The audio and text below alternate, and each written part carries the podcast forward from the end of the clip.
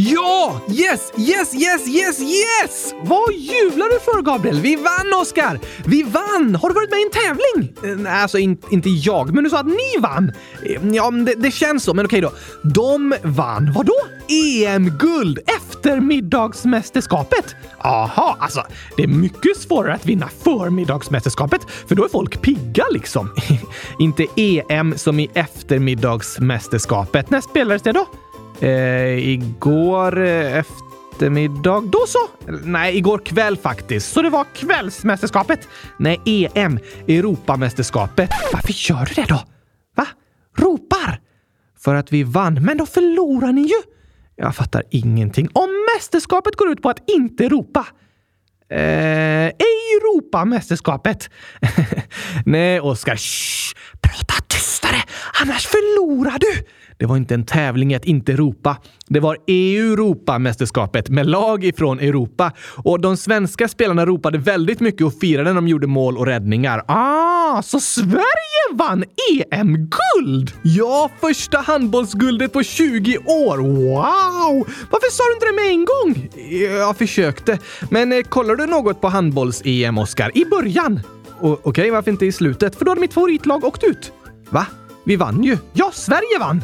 Hejade du inte på Sverige? Eh, nej, de spelade i gula tröjor. Aha, och Spanien i tomatröda. Just det, det var jättemånga som spelade i tomatröda tröjor. Faktiskt. Och vita och blåa. Men vilka hejade du på då? Jag hejar såklart på det enda laget som spelade i världens vackraste gurkagröna tröjor. Och vilka gjorde det? Montenegro. Aha, men tyvärr gick de inte till final. Nej, det gjorde de ju inte. Du är aldrig på Sverige, eller om de skulle byta till gurkagröna tröjor eller bli Europas största kylskåpsproducent, då kanske jag skulle börja göra det. Jag tyckte det var fantastiskt roligt att de vann igår i alla fall och jag vet att många av lyssnarna också tycker det. Men nu till en ännu större och viktigare tävling! Större än EM? Eh, ja tack! Vilken då? KM? KM, precis! Eh, kontinentalmästerskapet, det är ju typ samma som EM. Nej, nej, nej, nej, nej, nej, nej, nej. Vad står det för då? Kylskåpsradionmästerskapet! Ah, såklart! Äntligen är det dags! I gurkakastning eller? Nej, men det borde vi också ha en tävling i. VM i gurkakastning! Oj, alltså vardagsrumsmästerskapet. Alltså, det är inte jättebra att kasta gurkor hemma i vardagsrummet. Sant. Inte om man kastar riktigt långt. Men eh, det finns många andra saker att tävla i i vardagsrumsmästerskapet. Ett bra tips till alla er som sitter i karantän. ja, men visst. Anordna ett VM, alltså ett vardagsrumsmästerskap, nu när ni är hemma och tävlar lite mot andra familjemedlemmar och så. Det är fint med tävlingar och utmaningar, särskilt om man har långtråkigt. Ja, det kan få en att tänka på annat en stund. Men nu till det stora resultatet! I kylskåpsradion Mästerskapet. Ja tack! Men nu kan du berätta resultatet före vi har tävlat. Vi har redan tävlat. När då? I världens mest spännande omröstning! Jaha, det är dags för oss att presentera världens tokigaste glassmak! Oj, oj, oj, oj, oj, oj. Nej, det är inte gurka. Eh, nej, nej, jag menar inte gurka som oj betyder på koreanska, utan oj, oj, oj som i wow, vad häftigt! Då förstår jag! Under hösten fick ni lyssnare skriva förslag till oss om vilken som är den tokigaste glassmaken i världen. Och nu under två veckor har vi haft den stora omröstningen. Ja tack! Och äntligen har vi ett resultat! Wow, vad spännande! Nu vet vi vilken som är världens tokigaste glass, Gabriel. I alla fall vilken som lyssnarna har röstat fram och de bor ju över hela världen. Ja, vad sant. Hur vill du presentera resultatet? Hmm, eh, jag vet! Vi låtsas att jag går in på ett glasscafé och så beställer jag en stor bägare med de fem tokigaste smakerna i världen. Okej, så tar vi de som har fått flest röster. Jo tack! Sätt igång då, Oskar. Tjena mors! Hej och välkommen till Tokiga Glasskompaniet. Vad får du lov att vara? Jag skulle beställa en glass med världens fem tokigaste smaker. Okej. Rån eller bägare? Är det ett rån? Hjälp! Här får du alla mina gurkor. Bara låt mig gå! Nej, det är inget eh, rån. Jag frågar om du vill ha glassen i ett rån eller i en bägare. Ah, du menar så. Kan jag få dem serverade i en gurka? Eh, ja, jo, eh, kanske det. Tack, tack, vad snällt! Då blir det verkligen en tokig glass. Det håller jag med om. Då så! Först vill jag ha en kula av världens femte tokigaste glass. Vilken är det? Sparrisglass! Va? Det är första gången någon köper sparrisglass av oss här på Tokiga Glasskompaniet. Det är för att den är så tokig! Glass med smak av sparris! Oj, oj, oj. Då så. Nästa kula. Den ska vara av den fjärde tokigaste glassmaken i världen. Bröstmjölksglass! Oj, um, var har vi den någonstans? Ja, oh, här borta. Då så. Tre kulor kvar. Dags för pallen! På tredje plats i omröstningen om världens tokigaste glassmak kom mosad bläckfiskglass! Ja, ah, en riktig klassiker. Har ni sålt mycket av den glassmaken? Nej, inte till människor. Men det är alltid många katter som försöker ta sig in här på glasscaféet och äta den. Det kan jag tänka mig. De sista två glassmakerna då? Då vill jag ha en kula av världens näst tokigaste glass. Vilken är det? Gåsleverglass! Oh, blä! Det låter inte så gott. Nej, men tokigt. Ja, verkligen. Och lyxigt det också. Då ska vi se. Här har vi gåsleverglassen. Leverglassen? Nej, gåslever. Levergåsen? Nej, glass med smak av lever från en gås. Ah, just det.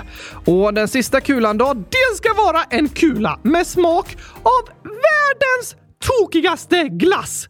Hur vet du det? Det har våra lyssnare röstat fram. Och de är riktiga glasspecialister! Spännande. Vilken smak är det då? Det är glass med smak av... Korv med bröd och ketchup! Va? Korv med bröd och ketchupglass. Det låter fruktansvärt! Särskilt ketchupen. Men om vi lägger till lite bostongurka också, oh, då låter det godare. Det här var den tokigaste glassen vi någonsin serverat här på Tokiga Glasskompaniet. Sparrisglass, bröstmjölksglass, mosad bläckfiskglass, gåsleverglass och korv med bröd och ketchupglass. Äntligen vet vi vilken världens tokigaste glass är! Tack till alla som har skickat in förslag och varit med och röstat i omröstningen! Hundratusen tack! Vi borde starta ett tokigt glasskompani, Gabriel. Mm, ja, jag vet inte om vi hade fått så många kunder. Jo tack, det är superskojigt ju att testa tokiga glassmaker. Ja, testa, men kanske inte att äta där flera gånger. Sant! Så jag vet inte om det är en så bra affärsidé. Då startar vi ett gurkaglasscafé istället. Mm, jag vet inte om det kommer vara så populärt heller. Många ser nog det också som ett tokigt glasställe. Vadå tokigt? Godast i världen menar de? Mm, tveksam. Där kan vi även servera gurkakorv med gurkaketchup och bostongurka. Gurkakorv. Ja, alltså det är en stekt gurka i bröd. Som en korv. Precis! Det låter ju supergott, eller hur? Det var inte min spontana reaktion. Men visst, ska vi släppa glassarna för idag dock, Oskar? Släpp glassarna? Då mosas de ju på marken! Håll hårt i dem! Nej, alltså, vi ska inte tappa glassarna som vi håller i. Om det är chokladglass så är det helt okej att du tappar den på marken. Just det, men det ska jag inte göra. Jag menar bara att vi kan lämna glassomröstningen och dra igång dagens avsnitt. Aha! Här kommer gurkagingen.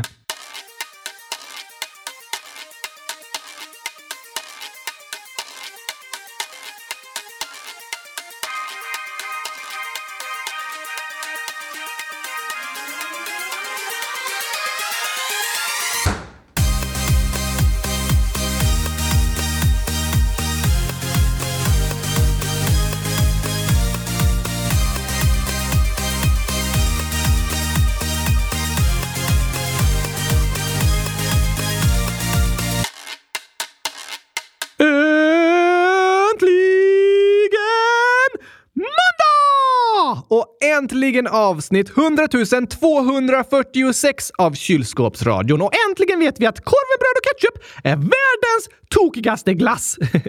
ja, det håller jag faktiskt med om. Supertokigt. Men nog om det för idag. Vad ska vi prata om då? Alltså, vi pratar ju en del om nyheter här i podden. I Vad händer? Fötter. Precis. Och vi försöker förklara vad som händer och hur saker fungerar och sådär. Och den senaste veckan så har svensk media låtit ungefär som kylskåpsradion. Va? Har de som presenterat nyheterna på radio gjort det i falsett? Eh, nej, klockan är 14.00 och det här är Ekot, Ekot, Ekot, Ekot, Ekot, Ekot, Ekot. nej, det har inte låtit riktigt så. Alltså, hur kan ett program vara kallat Ekot om det inte är Eko? Ja, du, Ekot kallas ju nyhetsprogrammet på Sveriges Radio och jag gissar att programmet ska liksom vara ett eko från nyhetsvärlden, alltså man får höra om vad som händer. Men om programmet heter Ekot borde nyheterna läsas upp så här.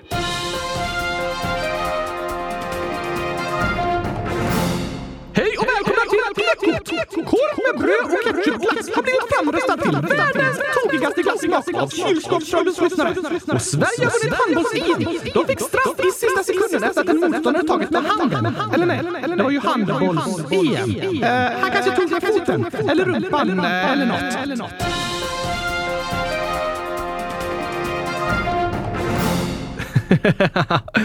det var lite svårt att höra vad du sa där. Precis, det kallar jag ekot. Ja, du får skriva det som förslag till Sveriges Radio. Jag tycker dock det är skönare att lyssna utan eko. Men på tal om de här nyhetsprogrammen så har det den senaste veckan nästan låtit som det varit kylskåpsradion. För hela tiden har de pratat om hundratusen år. Hundratusen?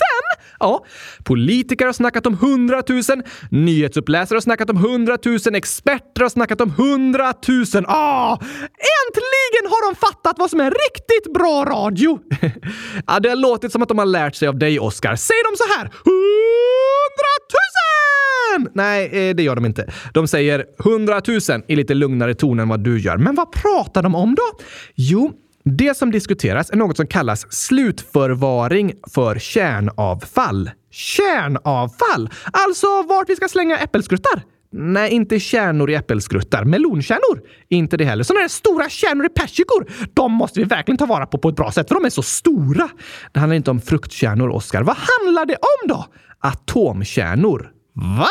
inte de supersmå? Jo, atomer är små. Då kan vi väl lägga dem i en byrålåda någonstans. Jag kan låna ut en låda i mitt kylskåp om regeringen letar efter en bra plats. Alltså, det som ska förvaras är något som kallas kärnavfall och det är avfall från kärnkraftverk. Eh, okej? Okay. Det här är ganska klurigt, men något som diskuteras mycket för tillfället och som jag tror flera av er lyssnare hört talas om. Det är också många av er som har bett oss prata om en kärnkraftsolycka på en plats som heter Tjernobyl. Oj då! Så jag tänker att vi kan ta ett lite fakta och historieavsnitt idag. Spännande! Det är det verkligen. Kan vi ta historiegingen? Ja, alltså det är inte historiekalendern längre, men det är lite historisk känsla i den. Så vi lyssnar på den tycker jag. Okej!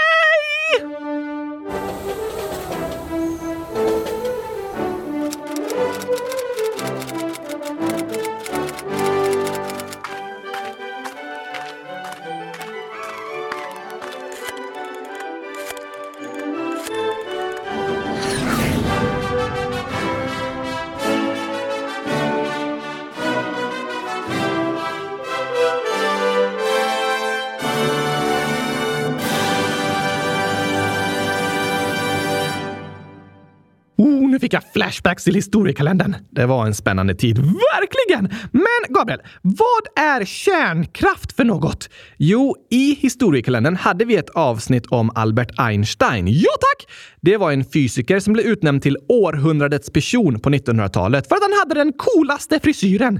Nej, men för att han gjorde upptäckter som förändrade hela världen. Ah, ah, det kanske var lite viktigare. Vad upptäckte han för något? Hans främsta upptäckt, relativitetsteorin, har med energi att göra. Var han trött och låg i sängen på morgonen och så kom han på hur han skulle få tillräckligt med energi för att orka gå upp. Snacka om viktig upptäckt! Kan verkligen förändra världen!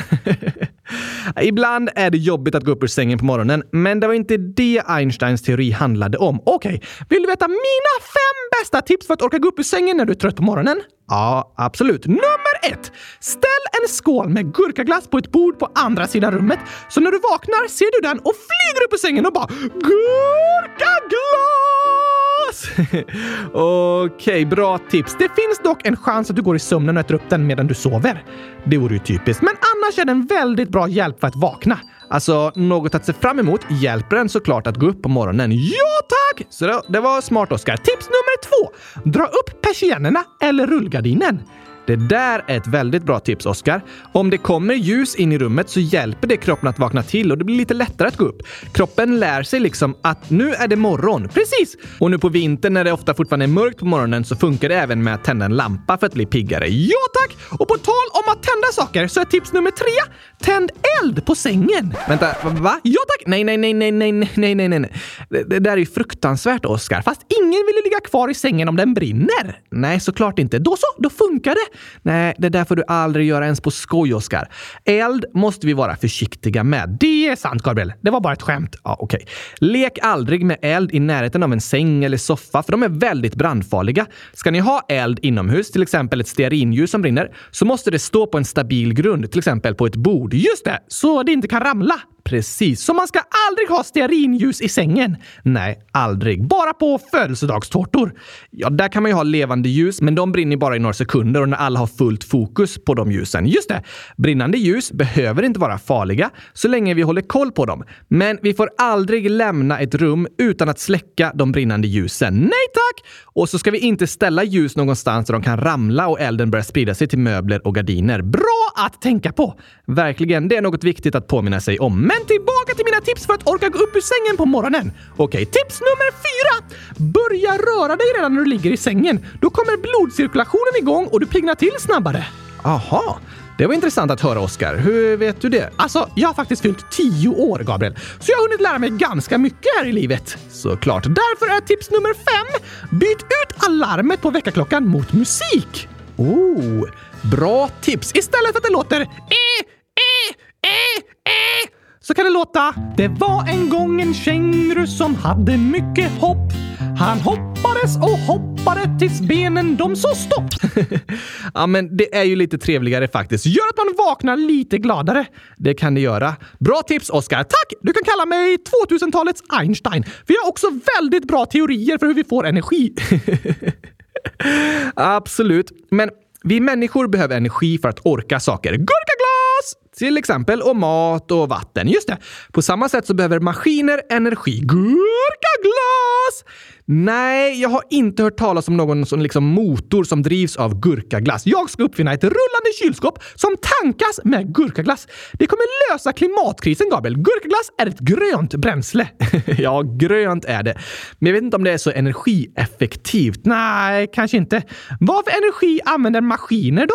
Elektricitet är ju energi, just det, som kan få en lampa att lysa, en mobiltelefon att fungera eller till och med en bil att köra. Och mobilen gör åt med elektricitet. Det är därför det blir mindre och mindre energi kvar i batteriet och det behöver laddas med ny energi. Precis så funkar det, Oskar. Allt som rör sig gör åt med energi. Vi människor gör åt med energi när vi går och även när vi sitter still, för då rör sig fortfarande hjärtat och lungorna och så. Just det! Och alla sorters maskiner behöver energi för att fungera. Och genom historien så har världen utvecklats när vi har upptäckt nya sätt att ta tillvara på energi. Vad menar du?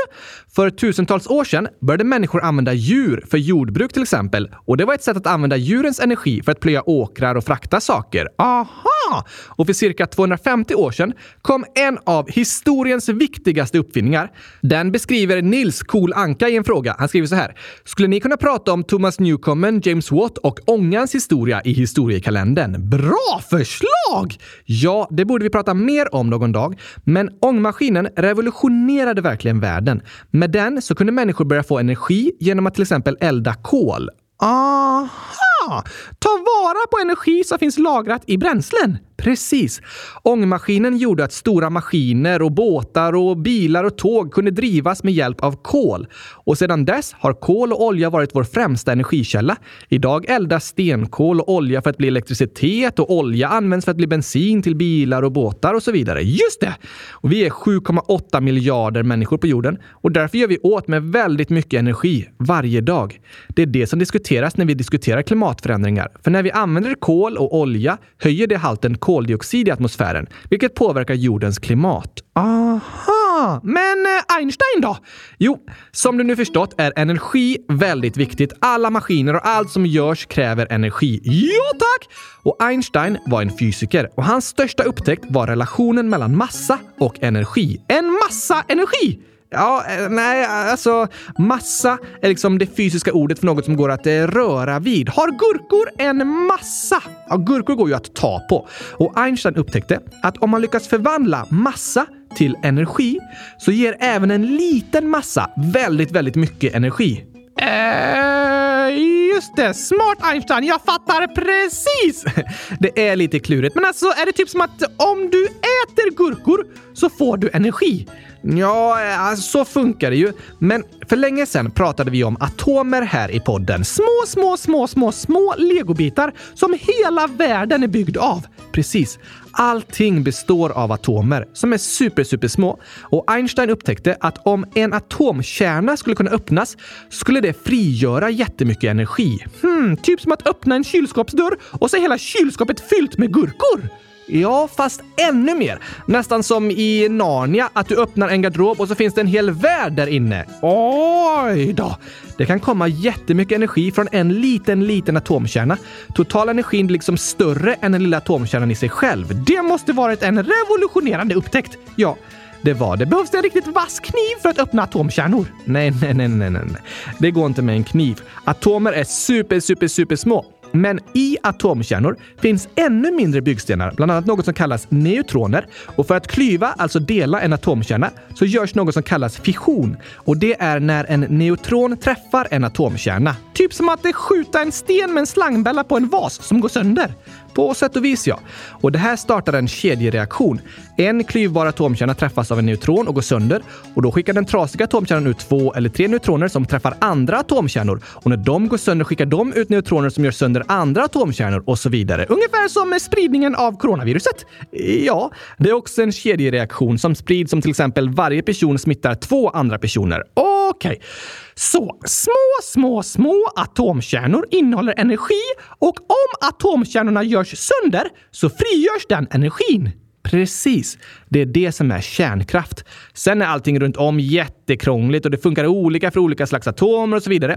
Men att fission av atomkärnor skapar energi är själva grundidén. Och Einstein sammanfattar det i en superkänd formel som är E lika med mc upphöjt till 2. Vad är E? Energi. Aha, m är massa och c är ljusets hastighet upphöjt i två. Så massan gånger ljusets hastighet upphöjt i två blir ett stort tal, alltså mycket energi. Precis, jag har också en formel.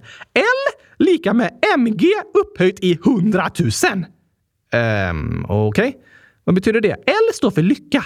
Ah, MG står för mycket gurkaglass. Okej, okay, så lycka är lika med mycket gurkaglass upphöjt i hundratusen. det stämmer faktiskt. Ja, för dig gör det det i alla fall. Men vad hände efter att Einstein upptäckt sin revolutionerande formel då? Jo, det första lyckade experimentet med fission genomfördes i Berlin år 1938 under andra världskriget.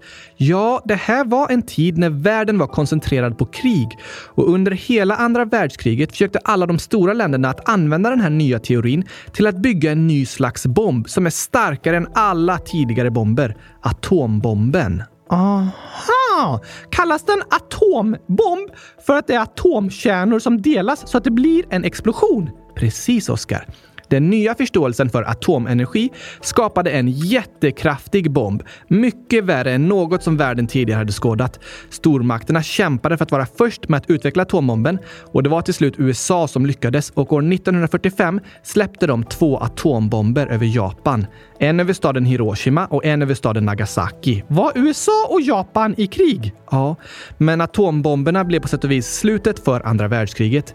Nu fanns det ett nytt starkt vapen som ingen kunde slåss emot. Enda lösningen för de andra länderna var att också utveckla atombomber, vilket många gjorde. Och resten av 1900-talet präglades av en stor oro över att USA och Sovjetunionen skulle starta ett kärnvapenkrig som skulle kunna utplåna allt liv på jorden. Var bomberna så starka?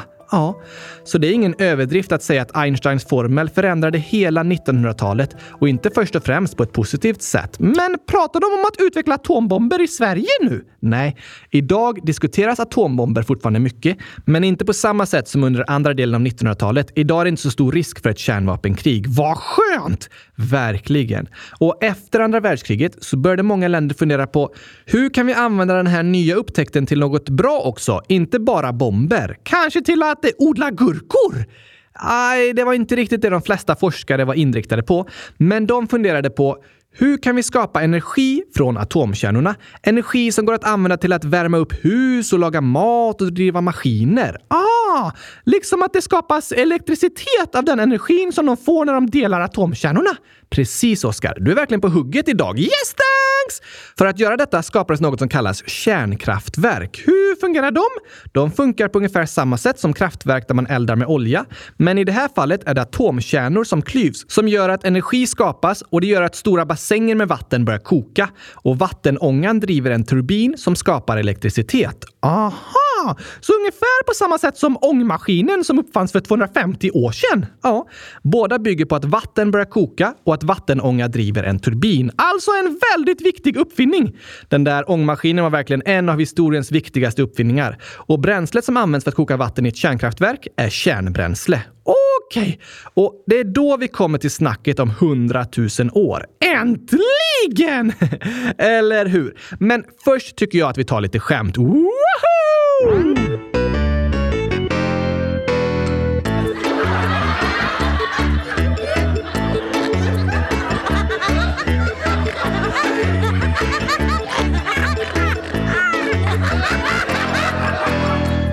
Alexis, 9 år, skriver “Jag gjorde gurkaglass med för lite vaniljglass. Det var inte gott alls. Nej, det får inte smaka för mycket vanilj.”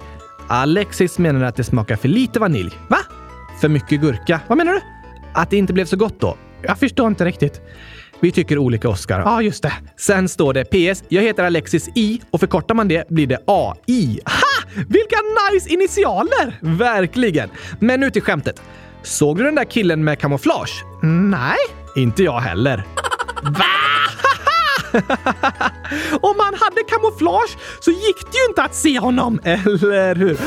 Tänk om det sitter fem kamouflerade personer här i rummet nu, Gabriel. Nej, det gör det inte. Hur kan du veta det? Du kan ju inte se dem! Nej, fast jag hade märkt det och det finns inte så bra kamouflagekläder att de inte går att se om de sitter precis bredvid en sådär. Men till exempel kan kamouflage funka bra ute i skogen och så. Ja, ah, just det. Nästa skämt är från Liam, 10 år. Vad kallas en nyanställd på McDonalds? Hmm, praktikant? Nej, något tokigt namn liksom. Praktirund? Va? Ja, rund istället för kant. Ja, nej, vad är rätt svar då? Nybörjare. Ah, låter som en nybörjare! Precis, en ny hamburgare. Men personen är ju nybörjare på jobbet. Det var tokigt! Verkligen. Liam skriver även PS. Min pappa har corona och jag har inte varit hos han på nästan två veckor. Jag saknar han. Ni är bäst. Sluta aldrig med det ni gör. Åh, det förstår jag Liam! Såklart. Det är många som saknar vänner och familj när de är sjuka och sitter i karantän. Inte kul! Nej, men i alla fall kul att karantänen kommer gå över över. Det har du rätt i. Vissa sitter väldigt kort i karantän, andra väldigt länge. Men den går över och ni får träffas igen. Det är fint att få träffas efter att man har saknat varandra. Det håller jag med om. Fler skämt! Yes. Vi har ju skojat om att du aldrig ser klart på filmen Hulken, Oscar. Precis, för jag går när det blir grön gubbe. ja. Nu har vi en ny variant av det skämtet här från Valfrid, 100 005 år. Varför stannar Oscar när han tittar på Spiderman? Äh, för att det är så spännande! Nej, hmm, ja, för att jag fastnar i ett spindelnät. Bra gissning, men fel. Då vet jag inte. Rätt svar är för att han stannar när han ser en röd gubbe. Spiderman är ju röd! Precis, så i det fallet blir det en röd gubbe du ser. Den var tokig! Ja, verkligen, då måste man ju stanna. Tack Valfrid! Sen skriver Vicky-grabben Vike Viktor, 100 010 år. Skämt. Vilken är den varmaste och godaste hunden? Hmm. Varm och god hund? Ja, det måste vara labrador. Nej, Sankt Bernhard. De är stora och varma. Absolut, men också fel. Uh, då vet jag inte. Hot dog. Nej! Varmkorv! Precis, det heter ju hot dog på engelska. Dog betyder hund. Just det! Jag vet! Vilken är den kallaste och godaste hunden? Mm, ingen aning. Hotdogglass! Ah, som vann tävlingen. Ja tack! Ja, det är ju kallt och eh, gott. Sen skriver Wiki-grabben Vike Viktor. Tittar ni på Melodifestivalen? Om ni gör det så finns det en app. Tack för tipset! Kan ni beatboxa? PS. Älskar er! Hur många hjärtan? Och så är det 175 stycken. Jag har fått min lilla syster att lyssna på er. Hon heter Mikaela, 6 år. Wow! Hej Mikaela! Vad kul att du också lyssnar på kylskåpsradion. Och ja, jag kan beatboxa. Jaså, ja tack, såklart! Det blir spännande att få höra. One, two, three, four! Boom, up, gurka, boom, up, kylskåp, boom, up, hundra, boom, up, tusen! Wow, vad snyggt Oskar! Hundratusen tack Gabriel! Det var imponerande faktiskt. Jag har tränat väldigt länge. Aha, det har jag inte hört. Nej, jag har ingen egen röst. Så du tränar utan röst? Yes thanks! Imponerande. Men på tal om musik så har vi förslag på en sång här, okej? Okay? Den gula gurkan 100 000 år skriver “Kan ni spela upp djurkalenderlåten? Snälla? Ja tack! Det kan vi göra! Självklart, den är faktiskt tokig. Jag håller med. Men kul att minnas tillbaka lite till julkalendern. Absolut! Men Aron, 1 gånger 10 upp till 12 år, skriver när ni spelar upp julkalenderlåten och sjunger om dag 9, ta inte med det gnisslande ljudet av hunden eller vad det är. Jag gillar inte sådana ljud. Snälla ta bort det gnisslande ljudet när Oskar sjunger dag 9 om hunden som går och ser på bio. Hoppas ni fattar. Aj då! Vi kanske får lägga in något annat där. Jag håller med om att det ljudet är lite jobbigt i öronen. Ja, vi tar något annat där. Här kommer sången!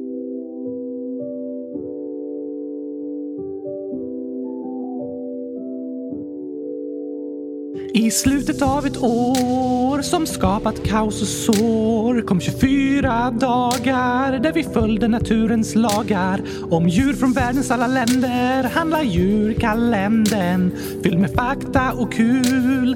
Ända fram till jul, det var dag ett om en duva som kriget sett. Och sen kom dag två om jakar som i Himalaya gå. Dag tre om snöleoparder på TV. Dag fyra om kaniner som är dyra. Mm, och dag fem om lejon i ett oväntat hem. Sen var det dag sex om koalor som väcks. Dag sju om vargar som gillar AU. Dag åtta om ekorrar som kottar spottar. Och dag nio om hunden som går att se på bio. Dag om från Arktis.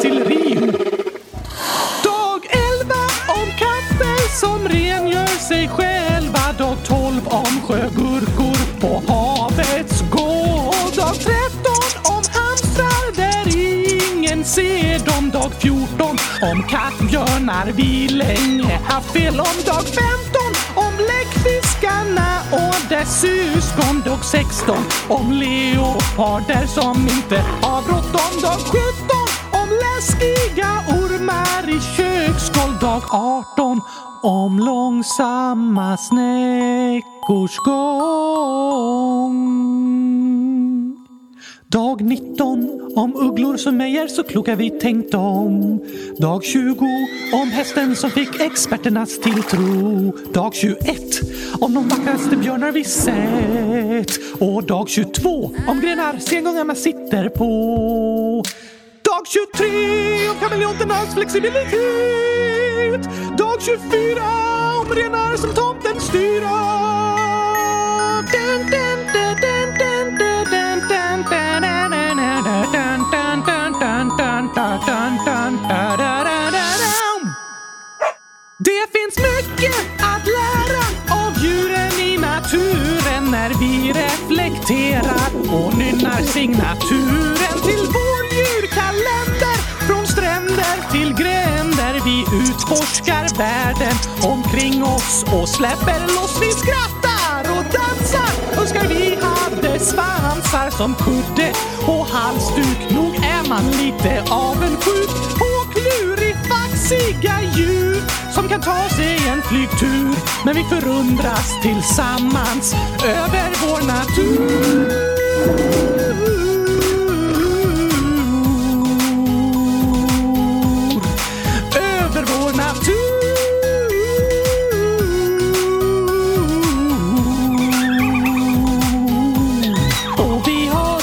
could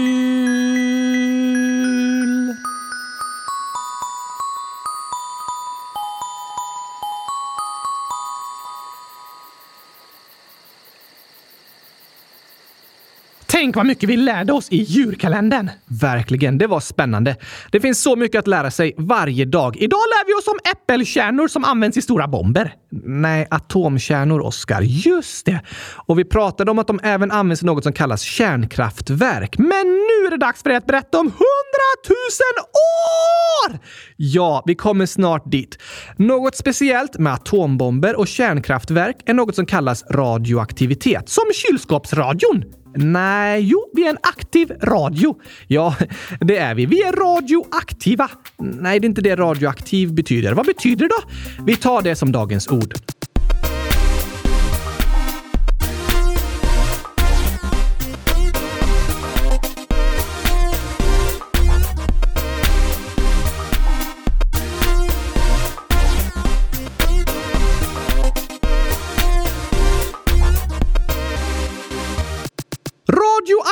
Radioaktivitet är viktigt för att skapa en bra podd, så kallad poddradio. Nej, det är helt olika saker. Men varför heter det radio då? För att det bland annat handlar om radiovågor. Aha, sådana där osynliga vågor som skickar ut radiosignaler som radioapparaternas antenner kan fånga upp. Precis. Runt om oss så finns det osynliga vågor som radiovågor och mikrovågor. Det är till exempel de som gör att vi har täckning på mobilen och kan surfa och ringa samtal. Coolt! Och lite crazy. Bra beskrivet. Där det finns täckning på mobilen finns det liksom osynlig strålning i luften. Och när vi pratar om atomer och atomkärnor så finns det vissa ämnen som är radioaktiva på ett sätt som är farligt för människor. Okej, okay. det var något som bland annat Marie Curie forskade på redan för hundra år sedan. Aha! Och i kärnkraft används radioaktiva ämnen. Så när till exempel en atombomb exploderar så är det både en stor smäll och så sprids massor av livsfarliga radioaktiva partiklar. Oj! I Hiroshima och Nagasaki dog hundratusentals människor på grund av atombomberna. Ungefär hälften dog under det första dygnet, men de andra dog på grund av radioaktiviteten under de kommande månaderna. Och än idag, 77 år senare, så finns det en överdödlighet i områdena på grund av atombomberna. Va? Försvinner inte den farliga radioaktiviteten? Nej, det tar väldigt lång tid. Och det är en stor anledning till varför atombomber och kärnvapen är så farliga. De sprider liksom farliga ämnen som kan slå ut allt liv i ett område under väldigt lång tid. Oj då! Idag pågår en stor kamp emot kärnvapen, att inga länder längre ska ha dem. Bland annat fick organisationen ICAN Nobels fredspris för fem år sedan för sitt arbete med att uppmärksamma de katastrofala konsekvenserna som kärnvapen har och sin kamp för att få bort alla kärnvapen på jorden. Hur går det? De flesta länder är idag överens om att kärnvapen är något väldigt farligt som inte bör användas av någon. Och det är en viktig överenskommelse. Så var det inte för 50 år sedan. Då förstår jag att människor var rädda. Ja, då gick många runt med en ständig skräck för kärnvapenkrig. Och då började det särskilt av ungdomar protesteras mot kärnvapen och även kärnkraft på liknande sätt som det idag är många unga som uppmärksammar klimatkatastrofen. Aha! Men alltså, om atombomber kan vara så farliga, är det inte farligt med kärnkraftverk då också? Jo, det kan det vara om de inte sköts väl. Och nu kommer vi till det som flera lyssnare har frågat om. Alexander, 9 år, skriver “Kan ni prata om Tjernobyl?” och Axel, 10 år, skriver “Jag har några spännande teman som ni kan prata om. Mina tips är helikopterrånet, flykten från Alcatraz, Tjernobylolyckan och Bermudatriangeln.” Och Alma, 12 år, skriver “Min mamma och pappa kollade på en dokumentär om en explosion i Ryssland som hette Tjernobyl. Jag förstod inte riktigt. Kan ni förklara?” Vad är det? Jo, i staden Tjernobyl, i det som idag är Ukraina, fanns ett stort kärnkraftverk som delade atomkärnor för att skapa energi. Just det. Och det kan vara farligt om det inte sker under noggrant kontrollerade former. Och kärnkraftverket i Tjernobyl hade börjat bli gammalt och togs inte hand om tillräckligt väl. Och klockan 01.23 den 26 april år 1986 så exploderade reaktor 4 på kärnkraftverket. Va? Nästan som en atombomb! Ja, det kan man nästan säga. Och efter explosionen så brann reaktorn i tio dagar. Det släppte ut mängder med radioaktiva partiklar som spreds med vindarna över stora delar av Europa. Till andra länder? Ja, det gjorde det. Så stora konsekvenser kan en kärnkraftsolycka få. 70 procent av det radioaktiva nedfallet beräknas ha landat i Belarus. Kom det till Sverige? Ja, regnmoln tog med sig radioaktiva partiklar till Sverige och området runt Gävle drabbades hårdast. Bland annat blev vissa svampar radioaktiva och farliga för människor att äta under en tid och via kontaminerad renlav spred sig radioaktiva ämnen till renarna. Så renar i Sverige drabbades av en kärnkraftsolycka i Ukraina. Just det, det var en stor katastrof. Verkligen.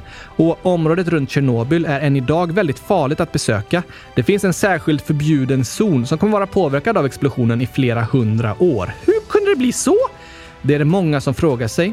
Kärnkraft kan vara farligt, men risken är väldigt liten att något liknande skulle hända i moderna kärnkraftverk. Tjernobyl låg i det som då var Sovjetunionen och det finns flera anledningar till att det gick som det gick. Bland annat hade varningssignaler ignorerats och kärnkraftsanläggningen hade inte tagits hand om så väl som den behövde. Och efter olyckan så var det en stor skandal, för den sovjetiska ledningen försökte dölja det som hänt. Så det var först när radioaktiva partiklar spreds till andra länder som de började förstå vad som hänt. Va? Det var en stor skandal och många ser Tjernobyl som en bidragande orsak till Sovjetunionens fall. Om ett misstag sker så är det viktigt att erkänna det, annars kan man göra ännu ännu mer skada. Precis så är det, Oskar. Ibland kan det gå fel, men då är det viktigt att erkänna och berätta om det och kanske behöva varna andra för misstaget. Om du råkar göra sönder trappan kan det vara bra att säga till innan någon annan går i den och ramlar. Ja, till exempel. Så kärnkraft är ett sätt att skapa energi från atomer, men det kan vara väldigt farligt om det går fel. Precis så. Därför diskuteras det väldigt mycket idag om vi borde ha några kärnkraftverk i Sverige eller inte. Vissa säger att det är ju bättre med kärnkraft än att använda så mycket olja och kol som förstör klimatet, medan andra tycker kärnkraft är farligt och lämnar radioaktivt avfall. Det är då vi kommer till det här med 100 000 år. Äntligen! Det material som används i kärnkraftverk för att klyva atomer, framförallt uran, blir farligt och radioaktivt. Okej, okay, hur länge är det materialet farligt? I ungefär 100 000 år. 100 Tusen år! Ja, det är väldigt länge. Verkligen. Och då är frågan vad vi ska göra med det farliga avfallet från kärnkraftverken. Är det mycket? Idag är det i Sverige ungefär 8000 ton.